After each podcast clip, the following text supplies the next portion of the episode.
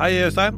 God dag, Tor Erling. Da er det fredag ettermiddag. Vi hadde egentlig tenkt å ta helga, men så fikk vi nå eh, først eh, gode kilder, og så kom det jo da en eh, pressemelding eh, fra Høyesterett eh, hvor eh, det kom noen ja, nyheter, og gode for noen, det, eller? Ja, dette har jo vært en avgjørelse vi har venta på. Vi var jo i Høyesterett og dekket Flydrop-saken tett når den ble behandla der. og det har vært veldig veldig stor spenning knytta til den avgjørelsen. Den handler jo om eh, Kommisjonen for eh, gjenåpning av straffesaker skal få innsyn i disse lydopptakene, disse hemmelige lydopptakene fra eh, behandlingen av Jensen-Cappelen-saken.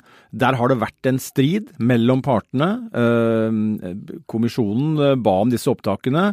Altså I rettssaken mot Eirik Jensen og Gjermund Cappelen så var det deler av den rettssaken som ble lukka for allmennheten. Det var bare noen få som fikk høre det som ble sagt der. Og lydopptak av den seansen den har da vært eh, gjenstand for stor diskusjon, da. Ja, for flydropp-saken, bare for å rekapitulere det for folk, er jo at det er den første saken eh, Jensen og Cappelen hadde sammen eh, som kilde informant og politietterforsker. Eh, og så er det jo sånn at eh, denne saken ble tema under rettssakene mot Eirik Jensen og Gjermund Cappelen. Retten valgte å lukke dørene, altså kaste ut oss pressefolk, eh, fordi at det var fare for liv og helse i noen deler av forklaringa til Cappelen, var vel det. Og så var jo da Jon Christian Elden til stede som forsvareren til Eirik Jensen, som mange vil huske, i uh, alle tre rettssakene. Han uh, skrev til kommisjonen og, var uh, urolig fordi at han fikk med seg at flydroppsaken var i gjenåpningsløpet. Men han var urolig fordi at han mente at ting han hadde sett, hørt og lest, uten at han kunne si hva det handla om, for da ville han brutt taushetsplikten sin. Men han slo alarm, var en varsler, om at det ligger ting her som kan være gjenåpnende. Han mener vel at det er det, og så vil jo det bli en vurdering som kommisjonen må gjøre, men at det både kan være gjenåpnende og kanskje også frifinnende. Og Det er jo bakteppet for at kommisjonen da henvendte seg til eh, Spesialenheten for politisaker, som, eh, som, eh, førte saken i Jensen, Cappelen og, og også Oslo statsadvokatembeter, for å få disse opptakene, for å høre om da Ja, er det sånn at det Elden sier er riktig? Og hvis det er det, så må jo vi ha disse opptakene med oss inn i behandlinga vår. Ja, fordi bakteppet der igjen er jo denne flydroppsaken som du snakker om. Den stammer fra 1993. Den handler om at det kom et fly over Sørlandet. Den droppa en bag med narkotika. Og det som var greia da, var at politiet lå og venta venta. De visste at dette her skjedde. Og så blei det jo en del folk som ble dømt der. Eh, og de folka mener at de er uskyldig dømt, fordi hele greia var en ulovlig politiprovokasjon. Og jeg skjønner hvis det, du som hører på er forvirra nå, men gå inn i Krimpodden-feeden. Der er det mange episoder om eh, flydroppet. Vi har en hel serie på poden min som heter Droppet. Eh, hør opp på det. Det er jo en helt vanvittig historie. Ja da, og eh, det er, det og det er jo en av de store, store sakene fra tidlig 90-tall. Og vi kan jo dra hovedlinjene sånn at folk henger med, med Tor Erling. Og det handler jo om at uh, Gunnar Evertsen, som politiet mente var leder for noe de kalte for Nordlandsmafiaen, til tross for at Gunnar Evertsen ikke er fra Nordland, som er en liten kuriositet. Han sier jo at um, i 1993 så ble han oppsøkt av uh, en kompis og en som han ikke kjente, og den han ikke kjente, har han i ettertid funnet ut var Gjermund Toru, senere kjent som Gjermund Cappelen. Så er jo korte trekk forklaringa til uh, noen, flere av de flydrøpte-dømte. Det er jo ikke alle som er med på den gjenåpningsbegjæringa nå. Det er vel uh, fem eller seks stykker, men det vil jo være nærliggende at hvis det blir en gjenåpning, så vil resten av de Det er tolv som er dømt til fengselsstraffer uh, nest, det er rundt 90 års fengsel. Så bare sånn, det er, det er det saken handler om. Her kan noen, tolv menn, ha fått til sammen 90 års fengsel de ikke skulle hatt. Men tilbake igjen til flydroppsaken. Så var det jo sånn at um, Evertsen hevder at Cappelen kom på døra og tilbød han amfetamin. Uh, og at de kunne hente det i Nederland. Og Evertsen han begynte å etter hvert organisere, fikk tak i en flyver og begynte å lage et opplegg for det her, og hevder at han kjørte sammen med Cappelen til eh, Nederland, og at Cappelen fremskaffa amfetamin. Og flydroppet gikk som du sier helt som planlagt. En kar som heter Hilmar Bertheussen, han var med Gunnar Evertsen nedover. De hadde skaffa den mannen som vi i vår omtale og serie har kalt Flygeren. Han og broren hans skulle fly et småfly fra Groningen i Nederland og til Olstadtjernet og droppe amfetaminet over der. Og så lå det noen fra denne narkoligaen på bakken og skulle plukke det opp. Og dette var et helt vanntett opplegg. Likevel så øh, og, og, alt gikk som det skulle. Man fikk tak i amfetaminet i Breda i Nederland. Det ble kjørt opp til Groningen, overlevert til flyveren. Flyveren tok det om bord i flyet, tok av. De fløy til uh, Olstadtjernet, fikk kasta det akkurat som de skulle, med en flytevest surra fast i en amfetaminbag. De som var på land, fikk tak i amfetaminet, la det i et ferdig nedgravd hull som lå der, fylte igjen med steinmasser og kjørte bilen ut av området. Men så begynte jo ting å skje. Fordi at så fort flyveren og broren eh, landa på Kjevik, så ble de pågrepet. Så fort de to mennene som har vært inne i Volstadtjernet kom ut i sivilisasjonen, Gitmark gård, så ble de pågrepet. Og ikke nok med det, men jammen meg ble jo Gunnar Evertsen og Hilmar Bertheussen, som trippa rundt som uh, noen slags uh, utålmodige høns her i Oslo, og venta på å høre hva skjer med dette amfetaminpartiet, for de skulle få varsling så fort alt var i orden, og det hadde de ikke fått. Grunnen var jo at uh, flere i ligaen var tatt. Og, og, det og der kunne denne historien endt. De blei eh, satt i retten hver for seg i en stor grad, og fikk lange fengselsstraffer. Men så begynte jo flere av dem å tenke etter når de satt i fengsel, og begynte å lure på hvordan denne Cappelen hadde kommet inn i bildet. Og de varsla faktisk, før Jensen Cappelen-saken ble en eh, realitet, så gikk de til Kripos og det lydopptaket har vi jo brukt i vår uh, serie som heter Droppet, og som ligger på Podme. Uh, og varsla Kripos om at alt, ikke alt var som det skulle, og sa at Cappelen hadde uh, kontakt med en politimann, og at det var ugreit forhold der. Ble ikke hørt åpenbart, og om det ble trodd, veit jeg ikke, men det ble i hvert fall ikke gjort noe fra Kripos sin side før da Jensen-Cappelen-saken smalt. Og da satt jo disse flydroppdømte og tenkte bare akkurat, det var jo det vi visste. Her var det noe som ikke stemte. Og fra den dagen så var de i hvert fall overbevist om at det de ble utsatt for, var en regissert politifelle som de mener at Cappelen og Jensen i samarbeid har satt opp. Og da er vi inne på hvorfor dette For det høres jo, du kan tenke sånn, ja, men disse har jo smugla narkotika. Disse har jo planlagt og skaffa fly og gravd ned og holdt på, ikke sant? Dette er, ikke, dette er jo ikke bra. Nei, det er det ikke.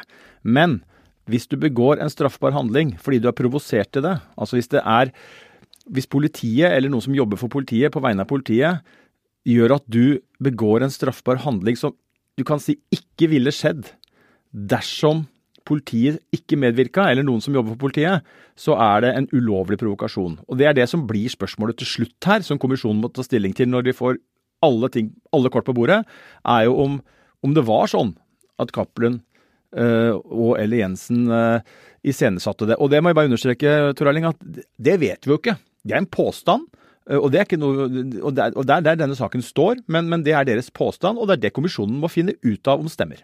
Og da var det jo da dette lydopptaket fra rettssaken mot Eirik Jensen og Gjermund Cappelund som blir da viktig her. fordi eh, i gjenåpningsbegjæringen da som er inne, så, så, er det jo bare eh, vist til dette opptaket, og kommisjonen vil da høre det. Og så vil jo da påtalemyndigheten ikke at eh, det skal bli hørt. For det ble jo da avsagt under en lokka rett eh, med en, eh, med en klausul om at dette skal være taushetsbelagt. Og det som sies her, det skal ikke komme ut. Og derfor vil jo da kanskje folk være mer åpne da, hvis de veit at det aldri kommer ut. Men nå er jo da nyheten i dag at Høyesterett mener at dette opptaket skal kommisjonen likevel få lov til å høre.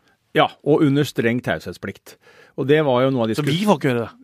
Eh, foreløpig ikke, men det kan at ting endrer seg. Men det er en klar forutsetning her. Eh, nå fleiper litt med det, men, men, det som er en klar forutsetning her, er at, er at uh, Høyesterett sier at kommisjonen under streng taushetsplikt skal få høre det. Og det var en diskusjon i Høyesterett. fordi at Påtalemyndigheten, og det har jeg vært kritisk til før, og det har jeg fortsatt, motsatte seg jo at dette skulle tilflytte kommisjonen, og mente at det ville utvanne taushetsløftet som er gitt til, til Cappelen når han forklarte seg. Og det mente jo også forsvareren til Gjermund Cappelen, Kaja de Vibe Malling, at, eh, at det, måtte, altså det løftet som er gitt til Cappelen før han forklarte seg i retten, det må overholdes. Det er ikke noe man kan komme etterpå og si at jo, men fordi at eh, det er en begjæring her, så må noen andre få høre det. Eh, og det handler jo litt om for påtalemyndigheten. har argumentert med at det er en utvanning. og at de frykter at folk vil reservere seg mot å forklare seg hvis de vet at det du blir lovt, likevel kanskje ikke er et løfte. Og så skal det jo sies at uh, Gjenopptakelseskommisjonen er jo proffe folk som er vant til å jobbe med taushetsbelagte opplysninger. Og eh, nå har jo avgjørelsen falt, da, men vi diskuterte jo den en episode før. ikke sant? Hvilke hensyn skal veie tyngst? Kan man si at man skal? Uh, og hvilken risiko vil Cappelen bli utsatt for om kommisjonen får høre opptakene, og det stopper der? Så vil man jo kanskje kunne si at det er, noe, det er like trygt at kommisjonen får høre under strenge taushets, uh, taushetsplikt som det er at uh, rettsbetjenter og meddommere og dommere og de som var til stede i rettssalen vil bli. Særlig når det handler om, og det er viktig, å oppklare, avverge, avdekke et Ikke bare ett, da, men potensielt tolv justismord. Så, så derfor så er den avgjørelsen i, i dag viktig. Og det som nå øh, ja, vil skje, er at kommisjonen vil nå Alt tyder på at kommisjonen vil få disse opptakene og vil få høre dem. Og så er det jo opp til kommisjonen å vurdere om de er enig med øh, Jon Christian Elden i, i hans øh, analyse av innholdet. Og så har det jo kommisjonen en rekke andre opplysninger også, som de skal ha med i vurderinga etter hvert som uh, flydroppsaken skal tas opp til behandling. Mm, vi snakka med Anne Camilla Silseth, som er leder for uh, gjenopptakelseskommisjonen. Gjenopptakelseskommisjonen, det er jo et vanskelig ord, men det, er det, det det, er. Hun sier jo at ja, vi tar denne avgjørelsen til etterretning, om de nå da skal ta en ny begjæring av dette lydopptaket. Og, og hun sier det er nærliggende å tro at vi gjør det. Det betyr vel egentlig at de kommer til å be om dette her, da. Ja, altså De har jo bedt om det i utgangspunktet, eh, og så har det vært en diskusjon fordi at eh, lagmannsretten sa jo nei. Og så anka jo ikke kommisjonen, og kommisjonen har jo, sånn jeg leser det, så var jo Høyesterett litt sånn undrende, kanskje på grensen til kritisk, eh, mot kommisjonen som ikke hadde anka det.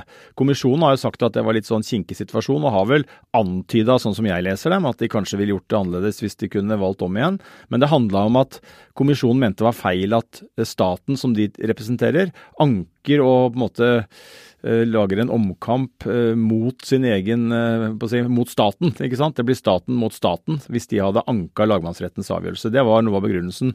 Men nå har det jo løst seg. Nå får man innsyn. Og som vi var inne på i episodene vi hadde Høyesterett, da Høyesterett behandla saken, så tenker jeg at det, er, det ville vært fryktelig lite tilfredsstillende i et sånt justis- rettssikkerhetsperspektiv om Eh, flydroppsaken skulle blitt avgjort i kommisjonen nå, uten disse lydopptakene, sånn som saken står, og med de klare oppfatningene som Elden har, eh, så, så tenker jeg at det ville vært veldig, veldig rart. Og så skal det jo sies at eh, både førstestatsadvokat Lars Erik Alfheim og assisterende sjef i Spesialenheten Guro Glærum Kleppe, de har jo hørt det samme som Elden.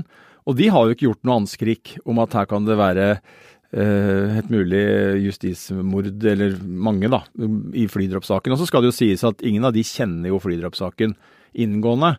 Eh, det gjør nok eh, advokat Elden i større utstrekning, så, det, skal, det, skal, også sies. Men, men nok om det. Det ville i hvert fall vært et veldig, veldig veldig vanskelig situasjon, syns jeg, ut fra et sånt rettssikkerhetsprinsipp, om eh, kommisjonen ikke skulle få tilgang. Og nå har Høyesterett skåret igjennom og sagt at jo, det skal dere få.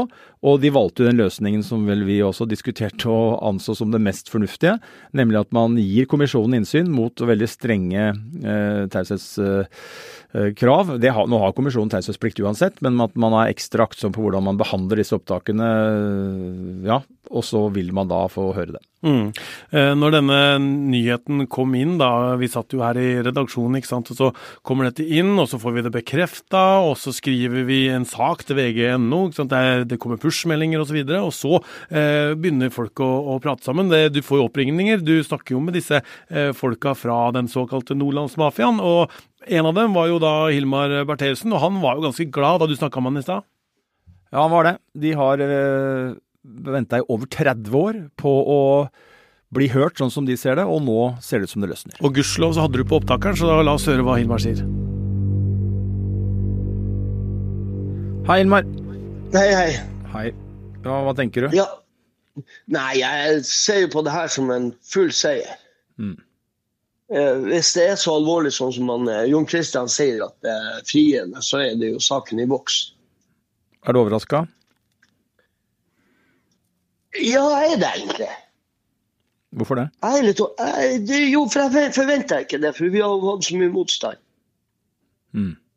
Ikke sant, Fra systemet generelt. ikke sant, Der Det har vært trenering, trenering og det har vært vriing og undervriing og vending. ikke sant, Så, så jeg forventer faktisk ikke det her. Nei. Nei. Men det viser seg, det her er jo en full seier for rettssystemet. Mm. For dette.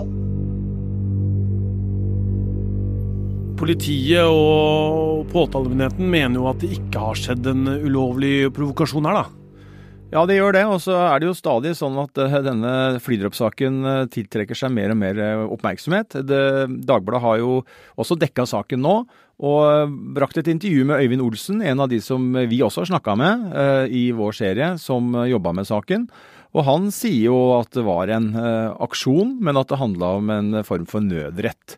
Så det er jo en uh, ny opplysning uh, som jeg tenker kommisjonen og kommisjonen bør vise interesse for. Ok, Hva skjer videre nå da i denne flydroppsaken? Ja, nå hvis det ikke dukker opp noe helt spesielt, så vil jo nå kommisjonen få tilgang til opptakene. Og så vil de kunne høre på dem, og så vil jo kommisjonen fortsette sin utredning, og vi vet ikke, og de vil ikke si så mye om det heller, hvor langt de har kommet. Eh, vi vet at de ønsker seg avhør av Gjermund Cappelen, og vi vet at de ønsker seg avhør av Eirik Jensen. Eh, men så langt så har av, ingen av dem eh, av ulike grunner kunnet stille til avhør. Og om de til slutt ønsker å gjøre det, det gjenstår jo selvfølgelig å se. Og så vil jo utredningen ferdigstilles. og spør ikke om tidsperspektivet, for det vet vi ingenting om. Men da vil jo, på et punkt, så vil jo kommisjonen mene at saken er ferdig utreda, og da vil den bli løfta inn til de i kommisjonen som avgjør om saken skal gjenåpnes eller ikke. Hvis den blir eh, nekta gjenåpning, så skjer det jo ingenting. Da står dommene. og uh, bare så det er sagt også, så er jo alle de vi snakker om ute av fengsel og har eh, levd, prøvd å leve det vanlige liv, selvfølgelig påvirka av de dommene de fikk. Eh, men de er jo ute av fengsel for lengst og, lever eh, normale liv. Eh, hvis det blir en gjenåpning, så får vi jo, og dette kjenner vi jo litt til nå, for det er jo, det er jo en del saker som vi jobber med som er i prosess, så vil jo påtalemyndigheten få den ballen over til seg. Og så må det vurderes som det nå gjøres mens vi snakker, og vi venter på en avgjørelse i Baneheia-saken anytime også. Eh, men det er jo samme som vil skje, at påtalemyndigheten får saken tilbake, må vurdere om det er noen etterforskningsskritt de skal ta, og må ta stilling til om de vil reise en ny tiltalebeslutning mot en eller flere av de dømte i flyrup-saken. Enten ved å flagge at de påstår frifinnelse, eh, sånn som de gjorde mot Viggo Kristiansen, eller så må man flagge at man vil komme til å føre en ny sak med vitner og full dokumentasjon, med mål om å få de eh, flydroppdømte dømt på nytt. Mm. Nå tar vi vel eh, helga, Øystein, men det har vært litt av en eh, uke for rettssamfunnet Norge? Det har det, og um, nå fikk vi en, en Vassbakk-frifinnelse og har en uh, stor, stor debatt som griper inn i både justissektoren og uh, ulike medieaktører og medieverdenen uh, som, uh, som, raser.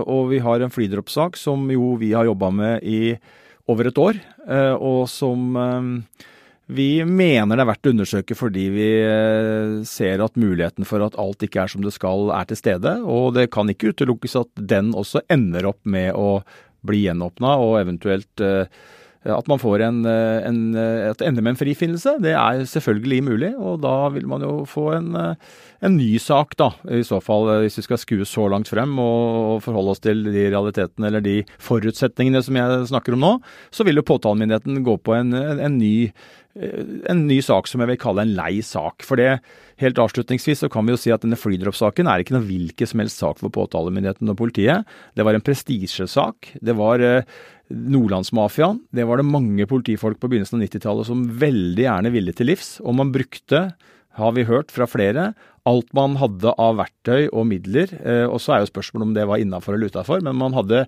ekstremt eh, lyst på å få stoppa den nordlandsmafiaen.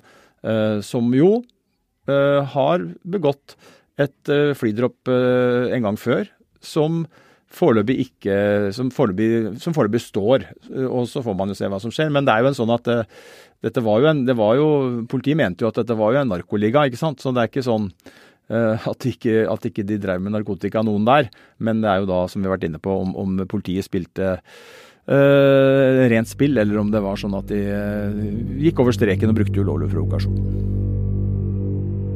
Og da er det bare å gjenstå å si at du kan følge oss på Facebook og Instagram, eller skrive til oss på krimpoden at vg.no.